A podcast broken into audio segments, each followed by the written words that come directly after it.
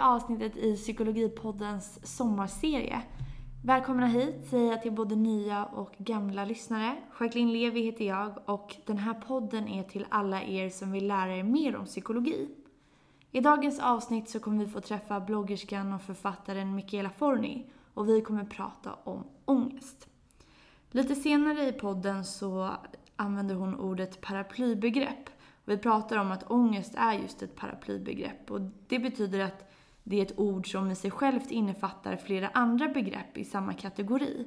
Jag tror att ni kommer förstå när ni lyssnar, men vi säger att man kan ha både bakisångest, klädesångest, matångest, hälsoångest. Ja, du kan stoppa i princip vilket ord du vill framför ångest och vi kommer känna igen oss i den. Men när man säger att det är ångest så kanske man blandar ihop det med andra känslor. Att det kanske inte är just ångest, det kanske är skam eller skuld eller rädsla som man känner inför de här olika situationerna. Ytterligare lite senare så använder hon ordet KBT. KBT är en terapeutisk form som står för kognitiv beteendeterapi. Kognitioner det är tankar och tänkande och beteenden kan ju vara då både beteenden och känslor och fysiologiska responser. Och det är alltså ett sätt som man kan arbeta med sig själv och med andra då. Så återigen, varmt välkomna till det tredje avsnittet av Psykologipodden.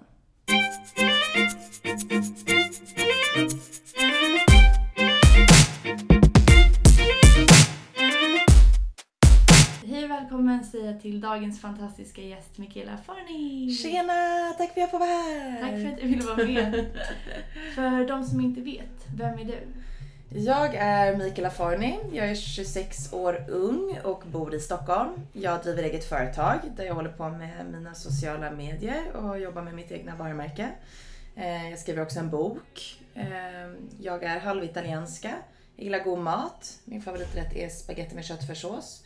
Och jag har ett eh, stort intresse för att dricka gott rött vin. Wow! Toppen tjej! och du är här idag för att vi ska prata om ångest. Ja. Om man, det fanns en ångesttermometer och jag skulle ta tempen på dig nu. Ja. Vad skulle du säga, typ skala 1 till 10? Ja, exakt nu. Men, ja, jag ligger på en tvåa max. Okej. Jag är väldigt, det är väldigt lite ångest. Så den enda ångesten jag har inom mig nu är att jag är lite stressad för jag har ganska mycket att göra idag. Men så försöker jag tänka att så här, snart är det sommarlov. Okej. När det blir midsommarafton då går jag officiellt på sommarlov. För sånt kan man göra när man är egenföretagare. så att när jag liksom känner att shit jag har så jävla mycket att göra idag. Jag undrar om jag får ihop allt. Det är några intervjuer och några möten och lite så grejer där jag gärna vill prestera väl. Då är det lätt att man blir lite ångestfylld. Men så tänker jag att okej det är bara några dagar kvar och sen är det sommarlov. Mm. Ja, för att du sa att du skulle släppa en bok. Ja. Vad heter den? Min bok heter Jag är inte perfekt tyvärr. Och den kommer i september, mitten på september. Gud vad kul. Och vad handlar boken om? Boken handlar om ångest. Mm. Det är en handbok om ångest för unga kvinnor. Eller jag tror att jag skickade lite av texterna till min farmor och hon är 70 plus och bor i Italien. Och hon sa att hon också kunde känna igen sig jättemycket. Så att eh, vem den riktar sig till är nog en definitionsfråga. Jag tror att eh, de flesta känner nog igen sig i Mm. temat ångest och kan relatera till det. Men eh, eftersom jag själv är en ung kvinna som är väldigt ångestfylld och jag skriver delvis av mina egna erfarenheter Mm. så blir det kanske naturligt att jag riktar mig främst till den målgruppen. Mm. Eh, så att den handlar om verkligen ångest, högt och lågt och stort och brett och tjockt och smalt liksom. Så den är skriven utifrån din egen erfarenhet egentligen? Precis. Eh, det handlar om den egna resan jag har gjort i eh, liksom ångestens värld. Eh, och olika verktyg och tips och tricks som jag har plockat upp längs den här resan för att lära mig att hantera ångest. Mm. Så att eh, om man läser den så kan man få ta del av de här tipsen och få lära sig lite mer av hur man hanterar sin ångest då. Precis. Min förhoppning är att när man har läst klart boken så känner man någon typ av att så här, ah, man kan sucka ut eller andas ut eller så här, någon typ av hopp eller eh, någon typ av positiv känsla. Man kanske köper boken när man är så här ångestfylld as fuck och typ, jag vet inte, nydumpad, bakis, eh, bråkat med sin bästis eller liksom precis sagt upp sig från ett jobb och inte har någon nytta och inte vet hur man ska betala sin hyra. Så går man och köper den här boken och då är man liksom ångestfylld och sen så är min förhoppning att när du stänger igen det så ska du känna dig istället lite mer hoppfylld. Okej, det låter fantastiskt. Ja, jag hoppas att jag lyck lyckas bara. det får vi se. Ja, verkligen. Mhm.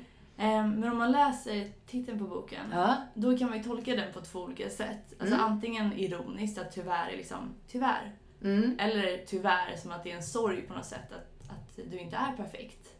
Eh, det är absolut inte en sorg att jag är perfekt. Men jag tycker ändå att det är intressant för att jag satt i en annan podcast med två tonårstjejer som ställde samma fråga som du ställde. Och då slog det mig att just det, man kan ju faktiskt tolka den här rubriken på flera olika sätt. Och det tyckte jag var lite roligt. Mm. Eh, så att jag lämnar nog rubriken öppen för att tolka den liksom åt vilket håll man vill. Okej. Och sen så får man väl se eh, om man ändrar uppfattning om, kring rubriken efter man har läst innehållet i boken. Liksom. Mm. Eh, men för mig handlar det lite mer om att säga, jag är inte perfekt tyvärr, men det gör ingenting.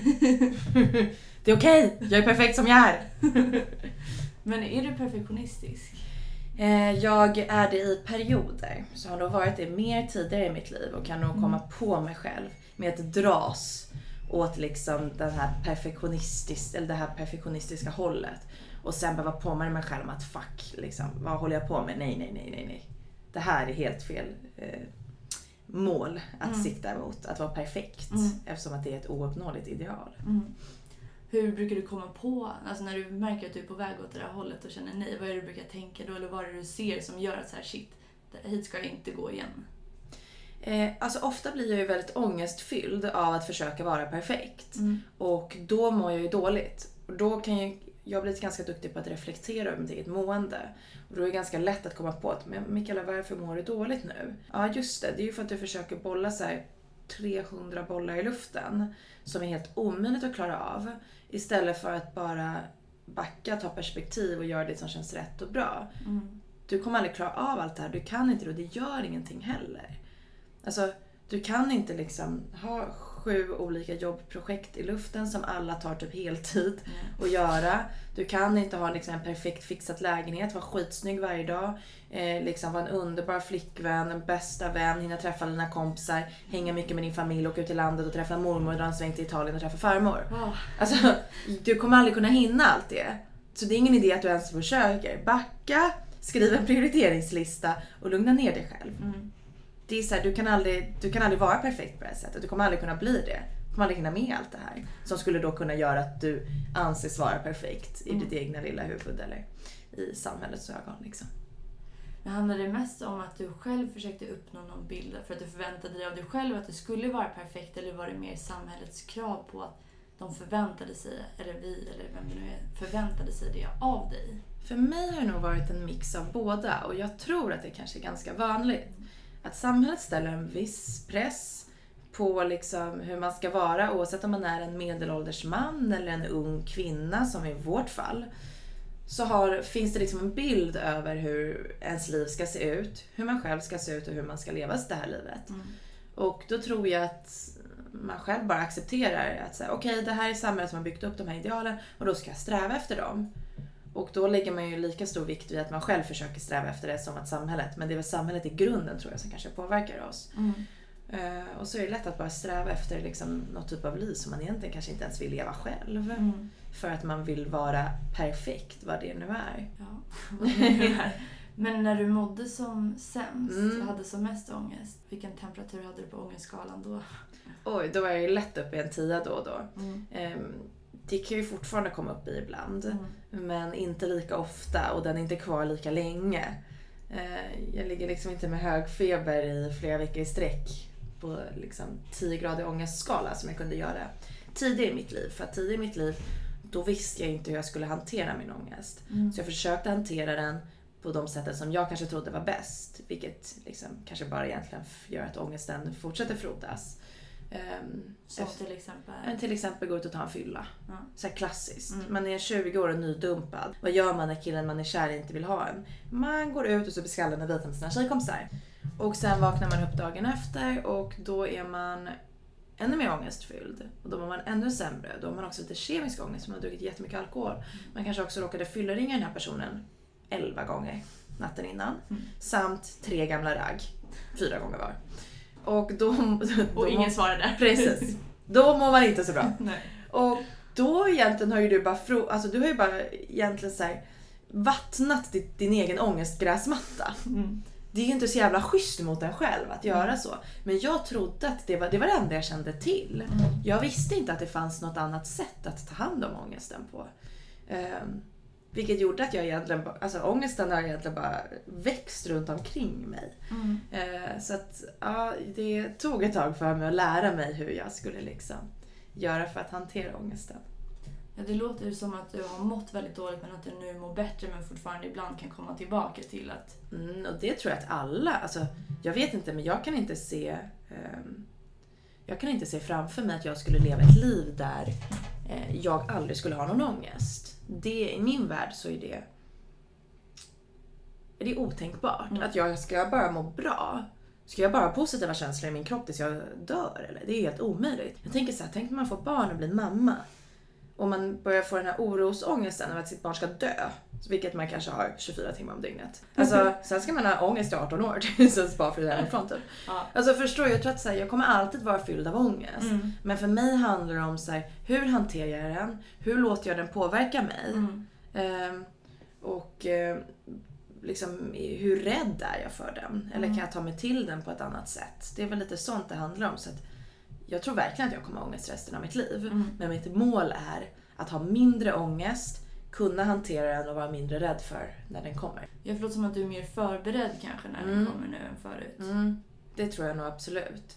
Eh, sen så är det ju så att eh, jag tror att många av oss som har växt upp till att bli unga starka kvinnor idag eh, har levt ett liv under ganska så bra förutsättningar. Man är uppvuxen i en medelklassfamilj i Sverige. Man har eh, liksom haft föräldrar som kanske har curlat till viss del eller eh, så här, hönsmammor eller hönspappor och försökt se till så att man får allt man vill ha. Och sen växer man upp och då kommer de första smällarna i livet. Eh, typ så här, eh, krossat hjärta. Eller ingen vill anställa dig. Eller eh, dina kompisar snackar skit bakom din rygg. Eller eh, vad det nu kan vara. Mm. Och då kan du inte hantera den här smärtan för att du har liksom kanske inte behövt uppleva så mycket smärta tidigare i ditt liv. Om man haft turen att undkomma typ eh, alltså, sjukdomar och Mm. dödsfall och sånt. Och då tror jag att det blir som en så himla stor chock för en. Att man bara säger Ah shit, typ jag får mitt hjärta krossat. Eh, jag vet inte vad jag ska göra. Det gör så ont, det gör så ont, det gör så ont, det gör så ont. Alltså det är lätt att man får sån jäkla panik. Men sen när du har fått ditt hjärta krossat några gånger eller du har fått några liksom rejections när du har gått och ansökt om ett nytt jobb eller du har varit med om att en vän har sagt upp vänskapen med en för att de inte gillar en längre. Då är man ju på ett annat sätt förberedd för kommande ångestfyllda moment eller smärta eller jobbiga stunder i livet. Men jag tror att det är så jobbigt just liksom när man kommer upp i tonåren och när man kommer in i den här vuxenvärlden. Och man för första gången i sitt liv kanske, för vissa, kanske börjar få utstå smärta. Man vet inte hur det känns. Man blir, liksom, man blir rädd och stressad och ledsen och panikslagen. Eh, så var det nog i alla fall lite för mig. Att du blev överraskad. Ja, att det var så här, oj jag får mitt hjärta krossat, aj det gör så ont, gud jag visste inte att det kunde göra så ont i ett hjärta. Hjälp, vad händer? Mm. För jag har, liksom- jag har haft så otroligt tur i mitt liv. Mina föräldrar har inte separerat. Eh, Både mina mor och farföräldrar i livet och eh, resten av min släkt och familj som har stått mig nära är- har varit i livet. Fram tills att jag liksom kom in i vuxenvärlden. Eh, Vilket gjorde att det värsta som hände i mitt liv det var att min farmor och farfar flyttade tillbaka till Italien när jag var 11 år.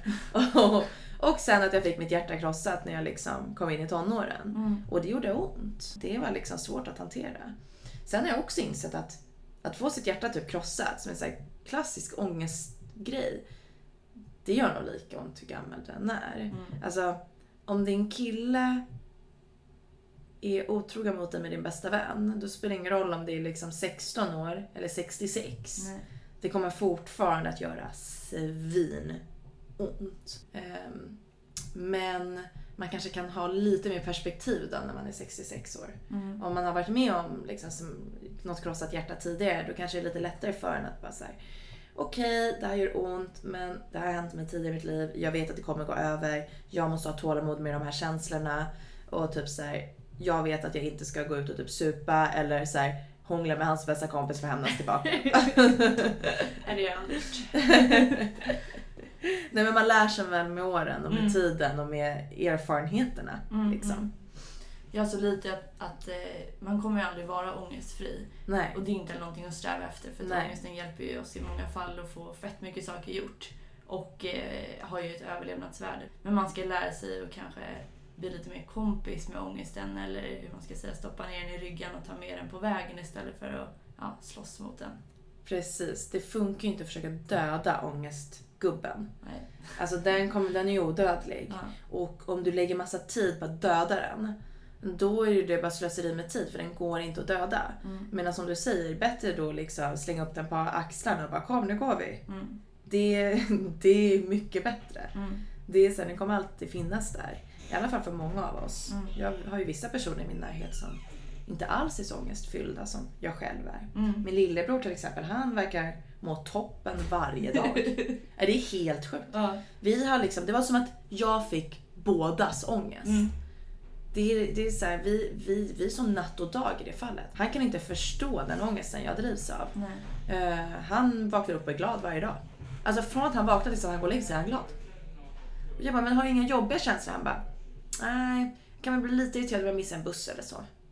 Det är typ hans, liksom, hans irritation. Och ni Men- syskon? Ja, det, det är som att vi kommer från helt olika planeter. Så att då har jag ju verkligen fått uppleva på nära håll någon som inte, och det har också fått mig att förstå att nej, alla känner inte som jag gör. Nej. Och det är viktigt att förstå, men det är också viktigt att förstå för en sån som typ min bror Mm. som inte har ångest Mm. överhuvudtaget, mer än Mm. kanske ja, eh, en sekund om dagen. Eh, då är det ganska bra för honom. Han får ju kanske mer förståelse för andra människor Ja. när han får se mig och hur jag fungerar. Mm. Och det är ju då bra för att då kan han förstå att just det, alla känner inte som mig. Bara för att saker rinner av mig som vatten Mm. betyder inte det att andra, det fungerar likadant för andra människor.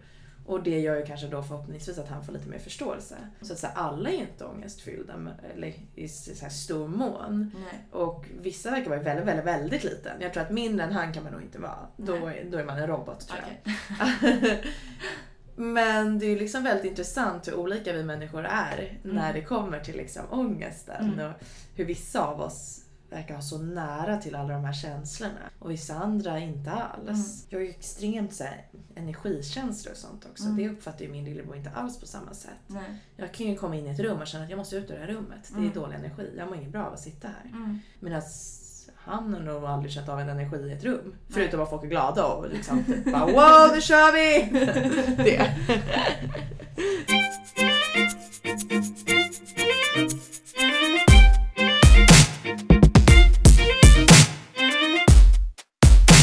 För till exempel går in i en relation med någon som kanske har väldigt låg ångest eller har svårt Mm. att förstå vissa känslor, vilka det nu än må vara. Mm. Då kan det ju vara svårt att få det förhållandet att funka. För att om personen som inte har någon ångest inte förstår vad ångest är. Det är ju jättesvårt. Ja. Jag tror att man verkligen... eh, Jag tror att det blir jättesvårt. Jag är jätteglad att den mannen som jag lever med idag, att han, han är inte alls så ångestfylld som jag. Mm. Och han kan ju verkligen säga okej nu är du inne i ditt lilla ångestmoln här. Mm. Men han accepterar det och han förstår det för att han har ändå nära till sina känslor. Mm. Mm. Och eh, han kan ju känslor. Mm. Och han känner också väldigt mycket.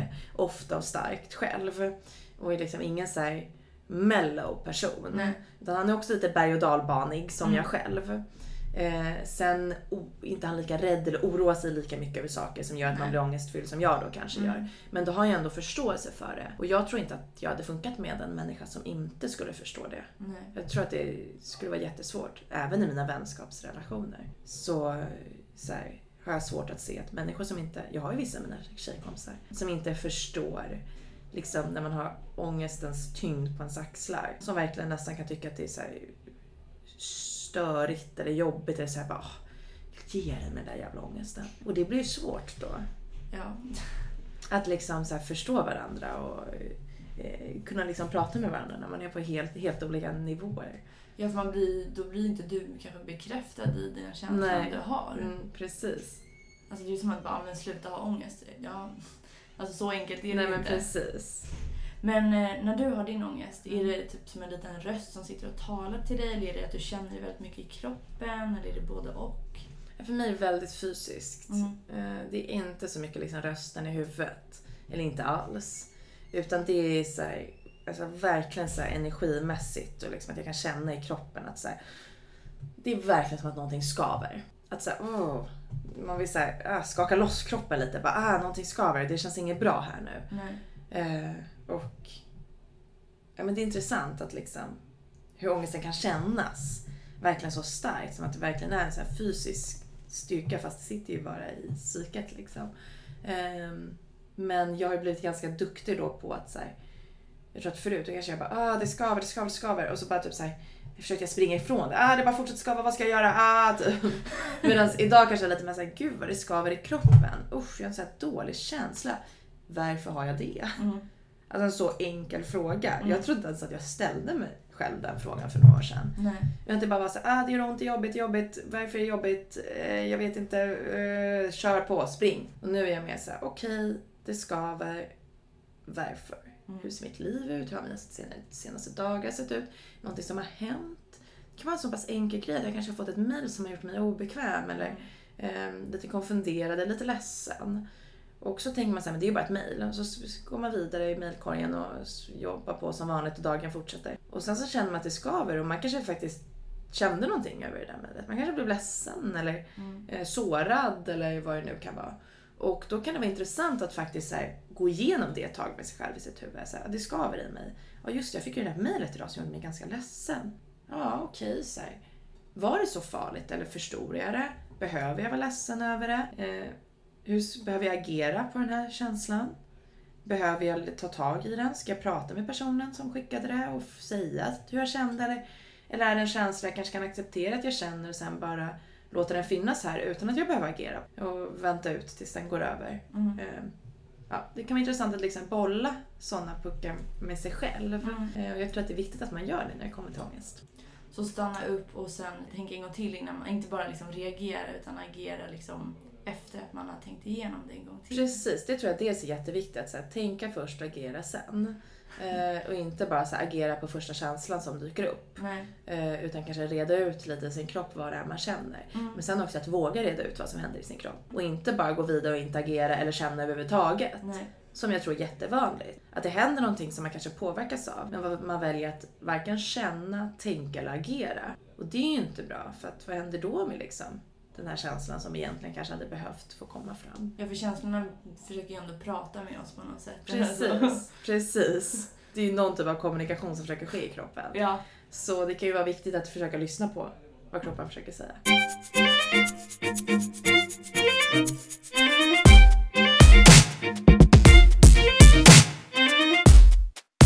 När man talar om ångest så, så kan man ju lägga till vilket annat ord innan som helst. Det kan vara matångest, det kan vara hälsoångest, det kan vara klädångest, det kan vara alltså, alkoholångest, bakisångest, hur name it det finns. Uh, Men eh, då så kallar man ju kanske egentligen lite olika känslor för samma sak. mm. Hur tänker du kring det? Ja, ångest är ju ett paraplybegrepp för alla dåliga känslor. Så enkelt är det ju. Mm. Det är ju så vi fungerar idag. Mm. Jag har ångest och det är liksom allt. Som Mm. du säger så här, du kan ha ångest om vad fan allt. Du har ångest för att du missar bussen, för att du är sen, eh, för att du är bakfull, för att du har glömt ringa din mamma, för att du liksom eh, kring vad du äter, hur mycket du tränar, hur mycket du inte tränar, hur mycket du och din kille har sex eller vad fan det nu är. Alltså, det har egentligen blivit det ordet som ska förklara alla dåliga känslor. Och jag tror att vi människor kanske har behövt det ordet för att bara snabbt kunna berätta för någon annan eller för oss själva att det är jobbigt. Alltså, men jag har så ångest för att ehm, jag eh, har inte besökt min mormor på sjukhuset. Äh, jag, har så, jag har sån ångest för att jag och min kille har inte haft sex på en månad. Att okej, det man egentligen säger då det är att man, så här, man berättar för någon att så här, det är jobbigt. Mm. Och det ordet får egentligen förklara alla jobbiga känslor. Mm. Mm. Eh, och det kanske är ganska bra, alltså att ordet ångest finns. Kanske underlättat för att vi ska våga prata om jobbiga känslor för att det ordet kan sammanfatta. Mm. För att ibland kan vara, krävas för mycket av en människa att börja rota i, okej men vad är det jag känner? Eh, och då är det lättare att bara förklara allting som ångest. Liksom. Mm. Men som du säger, det är ju verkligen intressant att det är ett paraplybegrepp som alltså, du kan sätta framför vilken, vilket ord som helst, vilken mm. känsla som helst. Men ångest är ju den, alltså alla våra jobbiga känslor. Ja. Paketerat i ett ord. Vilka jobbiga känslor har det främst varit för dig? Mm, jag tror att jag har haft mycket prestationsångest och ställt liksom mycket krav på mig själv. Eh, vilket jag tror är väldigt vanligt för unga kvinnor idag. Det känns som att så här, ja, helt plötsligt befinner vi oss i en värld där så här, kvinnor faktiskt för, för, första gången kanske genom tiderna har chansen att fin- vara på samma nivåer som män. Mm. Och eh, bara det att vi fortfarande har, inte har kommit så pass långt att vi redan från början är jämställda utan mm. man måste alltid bevisa sig som kvinna. Vilket gör att man alltid måste jobba tio gånger så hårt för att bevisa att man är bra nog för att förtjäna det man får. Och det har nog gjort att jag liksom alltid har känt att jag måste prestera och visa mer och aldrig kanske är bra nog. Mm i liksom karriärssammanhang. Jag har mm. alltid känt att jag kan visa mer, göra mer. Eller liksom, det har aldrig dugt. Det, hur mycket jag än har gjort har det aldrig varit bra enough. Liksom. Mm. Och det har jag nog haft väldigt mycket ångest över utan att jag har reflekterat så mycket över det. Och sen har jag haft väldigt mycket ångest kring liksom, kärlek. Vilket jag också har skrivit två böcker om tidigare. Mm. Just så här, krossat hjärta-ångesten. Vilket är ju besvikelse, ehm, rädsla i vissa fall eh, oro, ilska, förnedring. Mm, alltså verkligen så här, många sådana känslor att säga okej, okay, den här personen valde bort mig. Det är ju en jättejobbig känsla. Det är ju liksom, det kan vara, det är väldigt förnedrande. Um, den här personen uh, har sårat mig, jag är liksom ledsen, det gör ont, det är mm. jobbigt. Uh, sådana känslor har jag också fått tampas med mycket. Eftersom att jag har haft en del relationer som liksom gått åt helvete. liksom. Men nu är allt bra, jag är kär och lycklig så. ja, för om man läser din blogg så låter det som att eh, din pojkvän är en stor anledning till att du mår så bra idag. Mm. Stämmer det eller är det... Det stämmer nog absolut. Sen så tror jag att jag behövde kanske um, en anledning, alltså jag behövde kanske komma in i en ny era i mitt liv som fick mig att vilja ta tag i mitt eget. Jag har verkligen insett att ingen kan ju ingen kan hela mig. Alltså min pojkvän kommer aldrig att kunna liksom göra mig frisk från min ångest. Så fungerar det inte. Men när jag blev tillsammans med honom och blev bekräftad av honom och kände att så här, här har jag hittat en människa som jag vill leva med och som vill leva med mig tillbaka och vi är på samma nivå. Här är det inga maktspel eller vem är mest kär eller liksom Eh, det skulle vara någon sorts tävling eller man ska utnyttja varandra eller bara spela på varandras känslor. Vi hade så i början när vi liksom träffades, eh, första halvåret kanske.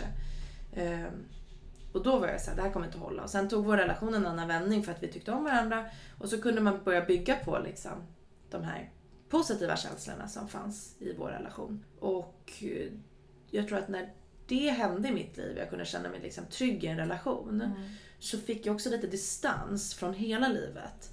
Och det blev som att jag bara såhär, gud vad jag mår dåligt och gud vad det här skaver och det här och det här och det här. Jag kanske ska börja ta tag i det här. Mitt liv kanske inte kommer funka om jag inte tar tag i det här. För jag märkte också att jag, fort, jag var ju fylld av massa dåliga känslor som drabbade vår relation också. Svartsjuka eller rädsla eller liksom sådana saker. Som gjorde att jag kunde inte vara fullt närvarande i den relationen jag hade kommit in i. För att jag fortfarande var fylld av massa skit. Mm. Och det var som att säga att jag måste gå på en ångest-detox. Mm. Och den kommer ingen, ingen annan kommer göra den åt mig. Utan mm. den måste ju jag göra själv. Och då tog jag tag och gjorde den själv. Så att jag tror att, att jag gick in i den här relationen gav mig kanske det andrummet jag behövde för att orka ta tag i mina egna problem. Mm. Men sen är det så viktigt att förstå att det är en egen resa. Det är ungefär som att, ja men, om man har liksom, jag har till exempel en sån nerv i min rygg som ligger i kläm. Eh, vilket gör att jag får problem med ryggen och får huvudvärk, ont i nacken och spänningshuvudvärk och allt sånt. Och i flera år så testade jag varenda genväg som fanns förutom träning. För att jag hatade att träna. Och jag liksom vilade. Jag försökte ha lite bekvämare skor. Ehm, jag liksom Eh, fick, så här, gick till kiropraktor eller akupunktör eller sådana grejer som egentligen är ganska skönt. Mm. Medan kontra träning som jag alltid har tyckt är jättejobbigt. Och sen förstod jag att det finns ingen genväg. Mm. Det finns ingenting som kommer att göra min jävla kropp bra och välmående förutom att röra på sig. Förutom att gå och fucking röra på sig. Och det är lite samma sak med ångesten också. Det spelar ingen roll om man liksom träffar två nya bästa vänner eller skaffar sig en ny pojkvän som är så kär i en. Eller skaffar ett barn eller köper en hundvalp. Hundvalpen kommer inte att bota ångesten. Det är bara du som kan ta tag i det här. Alltså, det är bara jag själv som kan göra så att jag inte behöver ha ont i ryggen via att träna. Och det är bara jag själv som kommer göra så att jag inte har ont i hjärtat via att liksom jobba med mina egna jobbiga känslor. Och jag tror att när man liksom börjar inse sånt, det är då man kan börja nå så här häftiga resultat. Nu lever jag ett liv där jag varken har spänningshuvudvärk eller ont i ryggen. Och jag är inte liksom tung av ångest hela tiden. Mm. Och det är ju faktiskt bara min egen förtjänst och ingen mm. annans. Men jag hade inte kommit hit om jag inte hade varit villig att jobba lite för det. Jag måste röra på mig. Om jag inte gör det, då ska jag istället ha huvudvärk hela tiden, dygnet runt. Och knappt kunna böja mig ner och knyta skorna. Ändå var jag så pass dum att jag gick runt och levde så i flera år. För att jag tyckte att det var så jobbigt att träna. Och det är likadant med ångest. Att tanken på att ta tag i sin egen ångest är så läskig så att man hellre går runt och lever med den än att ta tag i den. Vilket egentligen är absurt. Mm. Men för att man är så rädd för vad som ska komma upp när man börjar rota kanske. Och man vet att man kanske kommer behöva ge upp vissa så här, grejer som man kanske inte vill att ge upp. Det är ju jätteskönt att ligga på soffan och äta chips och dipp och liksom kolla på film. Mm. Istället för att gå ut och springa en vända eller göra lite liksom, sjukgymnastikövningar eller gå yoga. Men hur mysigt är det om jag ligger ont i huvudet? Alltså, hur, när man tänker efter, så här, hur kan man göra så mot sig själv? Mm. Ta två Alvedon och hoppas att det ska gå över. Mm. Det är liksom...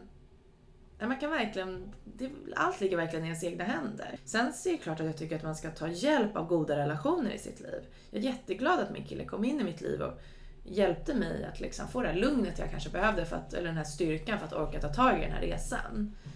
Men till så här, man kan inte gå runt och vänta på en pojkvän och, eller en flickvän och tro att när hen dyker upp i ens liv så är alla ens problem solved. Liksom. Mm.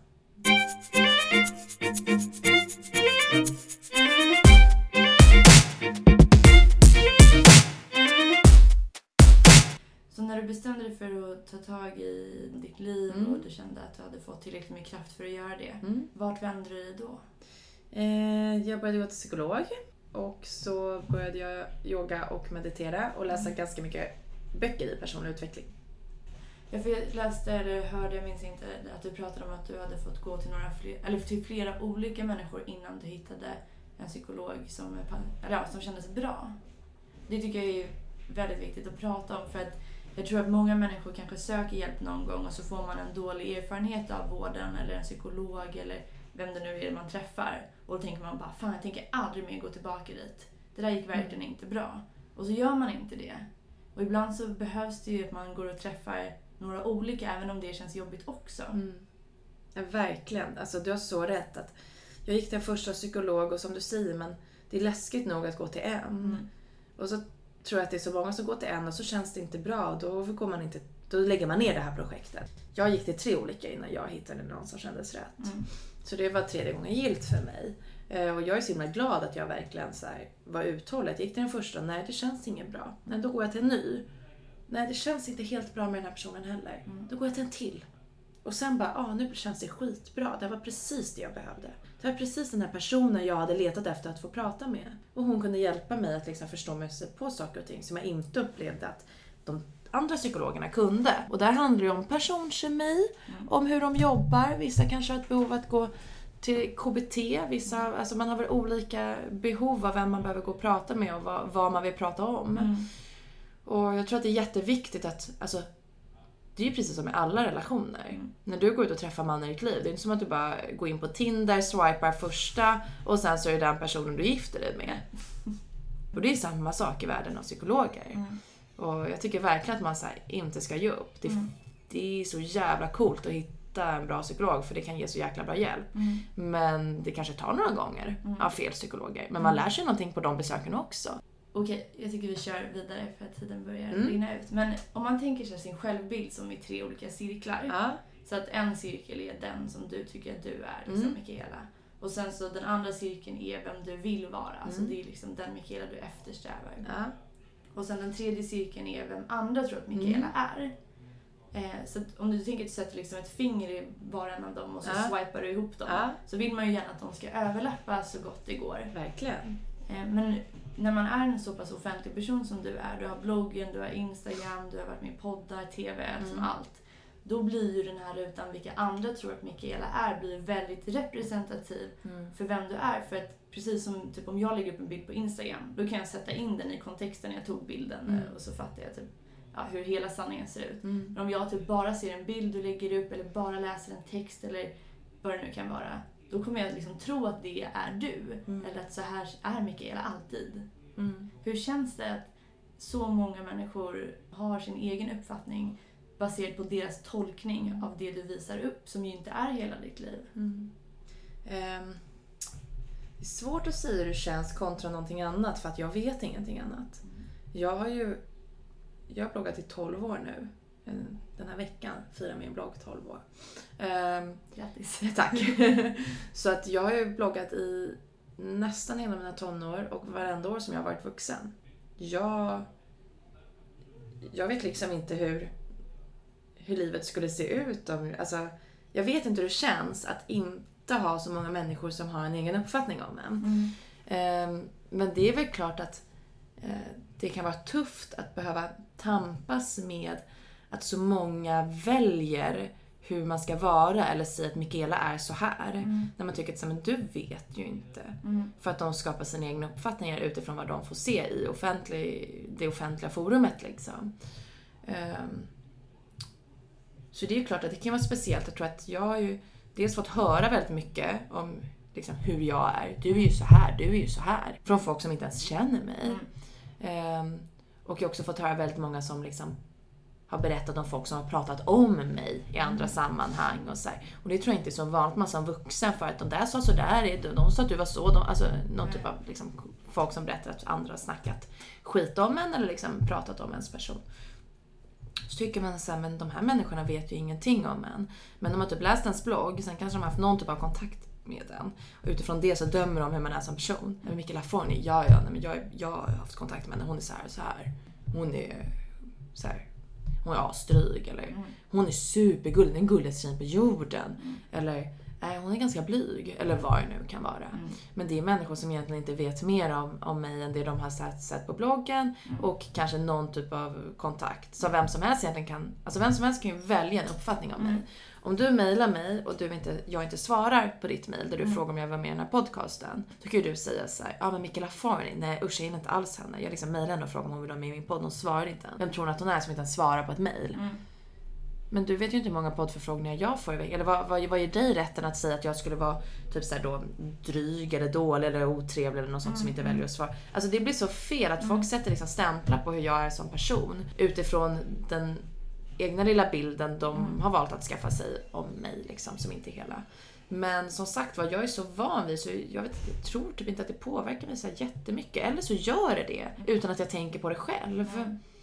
Mm. Det är svårt för att jag tror att bilden om hur andra är, det är Mm. nog som en egen cirkel. Och sen är det den jag vill vara och den jag är. Mm. De två jobbar jag på att få ihop. Men det känns som att för mig, den andra cirkeln, den kan jag inte kontrollera. Nej. Den kan jag inte försöka dra ihop. Alltså, det är klart att jag är ju så mycket mig själv i mina kanaler som möjligt i mina Mm. offentliga sammanhang. Ehm, men sen är jag också en liksom, offentlig person som till exempel också är en affärskvinna och driver ett eget bolag. Mm. Om jag ska sitta i en förhandling så måste jag göra den på korrekt vis. Eh, om någon sen säger så att Ja men Mikaela Forni, gud hon är så intryck av på bloggen, hon var så himla snäll och varm och gullig. Men det är hon ju inte. Mm. Nej, för att du och jag sitter i en förhandling och då går jag ju in i form av liksom en affärskvinna för ett bolag med California AB. Det har ju ingenting att göra med hur jag är privat eller liksom, alltså det är ol- helt, Mm. helt olika delar. Men, eh, då blir det lite så här, ah, ja, den, den cirkeln får liksom leva sitt egna liv. Ja. Jag tror att det är omöjligt för mig att kontrollera den. Mm. Jag tror att om jag försöker kontrollera den för mycket då skulle det bli alldeles för ångestfyllt. Ja. Det är liksom bättre att låta den sväva i fred. Ja. Och istället jobba på vem jag är kontra vem jag vill vara. Och försöka se till så att de matchar så Mm. mycket som möjligt. Ja, för det är som du säger, alltså, helt beroende på vem du frågar om den här tredje cirkeln, du frågar mig eller någon av dina bästa kompisar, Mm. din pojkvän, dina Mm. föräldrar, vem som helst, så kommer ju vi ge helt olika svar. Så att den, ja det kanske är lika bra att liksom ge upp på att ens Alla kommer ha olika definitioner och åsikter om hur Michaela Forni är som person. Mm. Så det är ingen idé att jag ens försöker få den att lappa ihop med hur jag själv vill vara eller tycker att jag är. Nej. Eh, Jag litar också så pass mycket på att ehm, jag, jag är ganska reflekterande över min egen person. Mm. Och jobbar ganska mycket mot att bli den personen jag vill vara. Mm. Och jag är så pass trygg att jag har distans och liksom gör, har en sann självbild. Mm. Så jag behöver inte den här tredje cirkeln med vem andra tror att jag vill vara. Mm. Eller, eller vem jag är. För att jag är så pass säker på att här, jag kan göra det jobbet utan att lägga in den cirkeln. Men ehm, känns det konstigt att någon som jag, alltså vi har ju aldrig träffats Mhm. så jag har haft lite mejlkontakt och Mm. lite missförstånd along the way. Liksom. Ehm, känns det konstigt att jag kan komma och ställa ändå så, här så pass privata eller personliga frågor om dig utan att du har någon aning om vem jag är? Eller är Nej, det inte inte- så värst. Det, det händer ju så ofta. Jag sitter ju Mm. ofta i intervjuer, jag går på möten med folk. Det är så ofta som jag träffar människor som jag aldrig har träffat, som jag Mm. ibland kanske inte ens vet namnet på. Mm. Men som kanske känner till mig eller liksom vet hur jag ser ut Mm. eller vet vem jag är. Det är ofta jag går på möten där jag måste förlita mig på att mötespersonen säger Hej Mikaela! Mm. För jag vet inte hur mötespersonen ser ut. Mm. Ibland försöker man ju googla men ett vanligt namn kommer upp 300 olika ansikten liksom. Eh, men då är det ju så här. eh, jag, jag är så van, så samma sak där. Jag reflekterar kanske inte så mycket över det. Och jag är så van vid att jag sätter mig ner och pratar på. Eh, Det jag berättar för dig, det är lika mycket som jag berättar i i min blogg. Jag är ganska ofiltrerad när det Mm. kommer till den här typen av känslor. Sen beror det ju på om du skulle sätta dig här och helt plötsligt börja avslöja hemligheter om min relation eller Mm. börja ifrågasätta i någon gammal relation eller eh, fråga någonting om liksom, min familj, alltså någonting som verkligen skulle kännas som privat och lite obehagligt. Mm. Då skulle jag ju ta illa vid mig och Mm. känna att så här, du har inte rätt att fråga mig det här. Mm. Det här tillhör mitt privatliv. Men när det kommer till att diskutera mig själv, mina känslor, hur jag fungerar som person.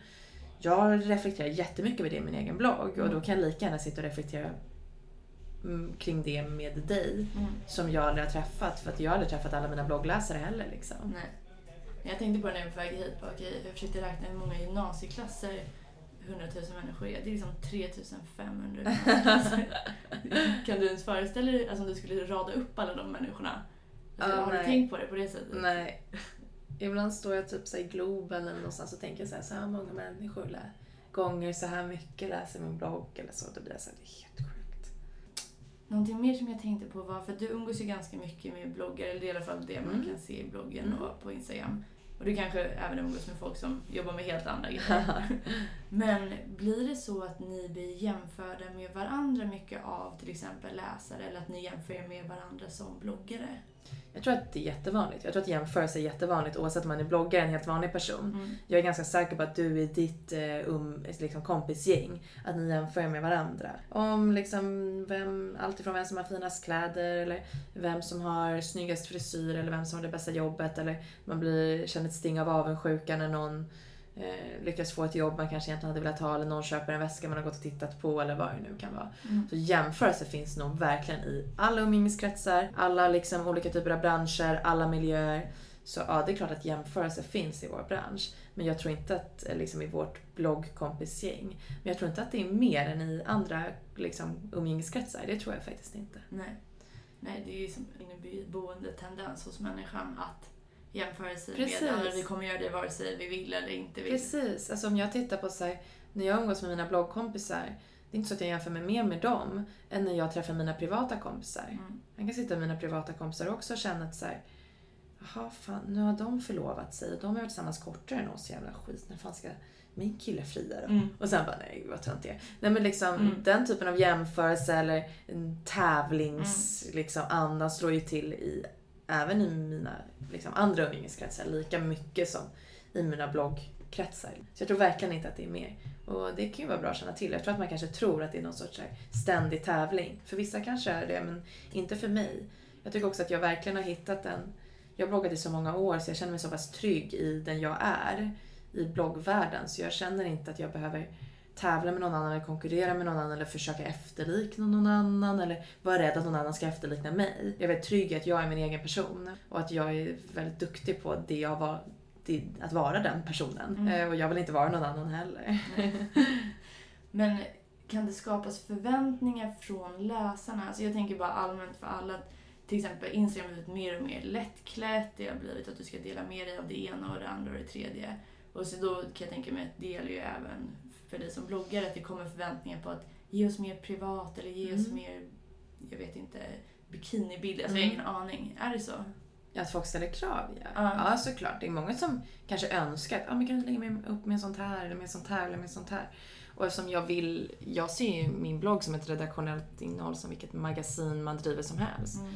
Så det är klart att jag vill vara tillmötesgående i det. Om människor säger att så här, fan det hade varit kul med lite med inredning. Då försöker jag kanske tänka på det att så här, okej Mikaela försök ha typ två inredningsinlägg i månaden. Eller sånt. För att jag vill ju att eh, Mikaela, alltså forny.se ska ju vara en liksom härlig och inspirerande plats. Där mina läsare får ta del av det de vill ta del av. Det är ju det som gör att de fortsätter läsa och tycker det är kul att komma in. Sen är det klart att så här, ibland kommer jag skriva om vissa saker för att jag känner för det, för att det är min blogg och där bestämmer jag. Ehm, Men så här, jag försöker absolut vara tillmötesgående i det, folk, det är de kraven folk ställer. Liksom. Men får du ångest av de kraven? Nej, inte alls. I den där cirkeln som är borta och flyter Ja, någonstans. Som nej, nej, jag tycker inte, jag blir inte alls så här, tar illa vid mig eller så. Folk frågar att så här, mer det, mer det. Mm. Om jag inte vill så säger jag bara så här, okej, nej, vi får se, eller jag vet inte om det passar. Du säger mer bikinibilder, nej det är inte riktigt min grej. Nej. Men det finns 3000 andra Instagramkonton Mm. ni kan följa om ni vill kolla på tjejer i bikini. Mm. Men jag tycker inte liksom att det passar inte i den jag vill vara på nätet. Liksom, Nej. till exempel. Mm. Okej, vi måste avrunda för.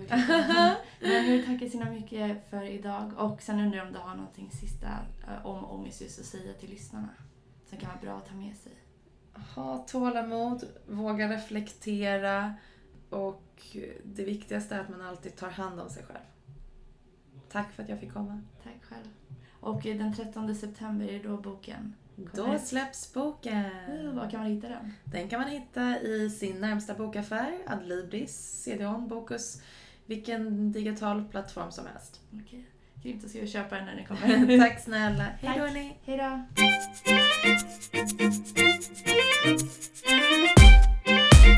Förlåt.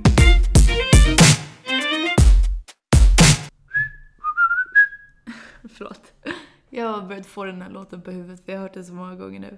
Tack så himla mycket till alla fina och härliga lyssnare som var med mig och inspirerande Mikaela Forni idag när vi pratade om det mycket spännande och väldigt viktiga ämnet ångest. Det kommer komma fler avsnitt på samma tema senare i, i höst, eller på att säga. I sommar. Jag tror ju att det är höst. Jag har ingen sommarkänsla alls. Utan det hade liksom lika gärna kunnat vara september eller januari i mitt huvud just nu. Vi kommer då prata kanske mer om själva undvikandet som är en vidmakthållande faktor när man talar om ångest. En vidmakthållande faktor är alltså en av anledningarna till att man fortfarande har ångest. Och det är att du undviker oftast de situationerna som är ångestingivande. Så du får varken tillfälle då för nyinlärning, alltså att se vad som faktiskt skulle hända. Och du får heller inte något tillfälle för korrigerande upplevelser, alltså att du kanske, det kanske inte gick så dåligt eller det kanske inte gick eh, alls så som du hade trott att det skulle gå. Lite senare i veckan får ni gärna kika in igen. Jag tänkte lägga upp en andningsövning som kan vara bra att använda sig av om ni skulle vara intresserade av det. Jag, jag brukar använda mig av den i alla fall och jag tycker att den är väldigt bra. Men ha en fantastisk dag eller natt eller kväll eller vad klockan nu än är för dig som lyssnar just nu. Jag eh, skulle bli superglad om ni fortsätter höra av er, antingen via mail, psykologipodden at hotmail.com eller på Instagram, det finns under psykologipodden. Puss och kram så hörs vi nästa vecka!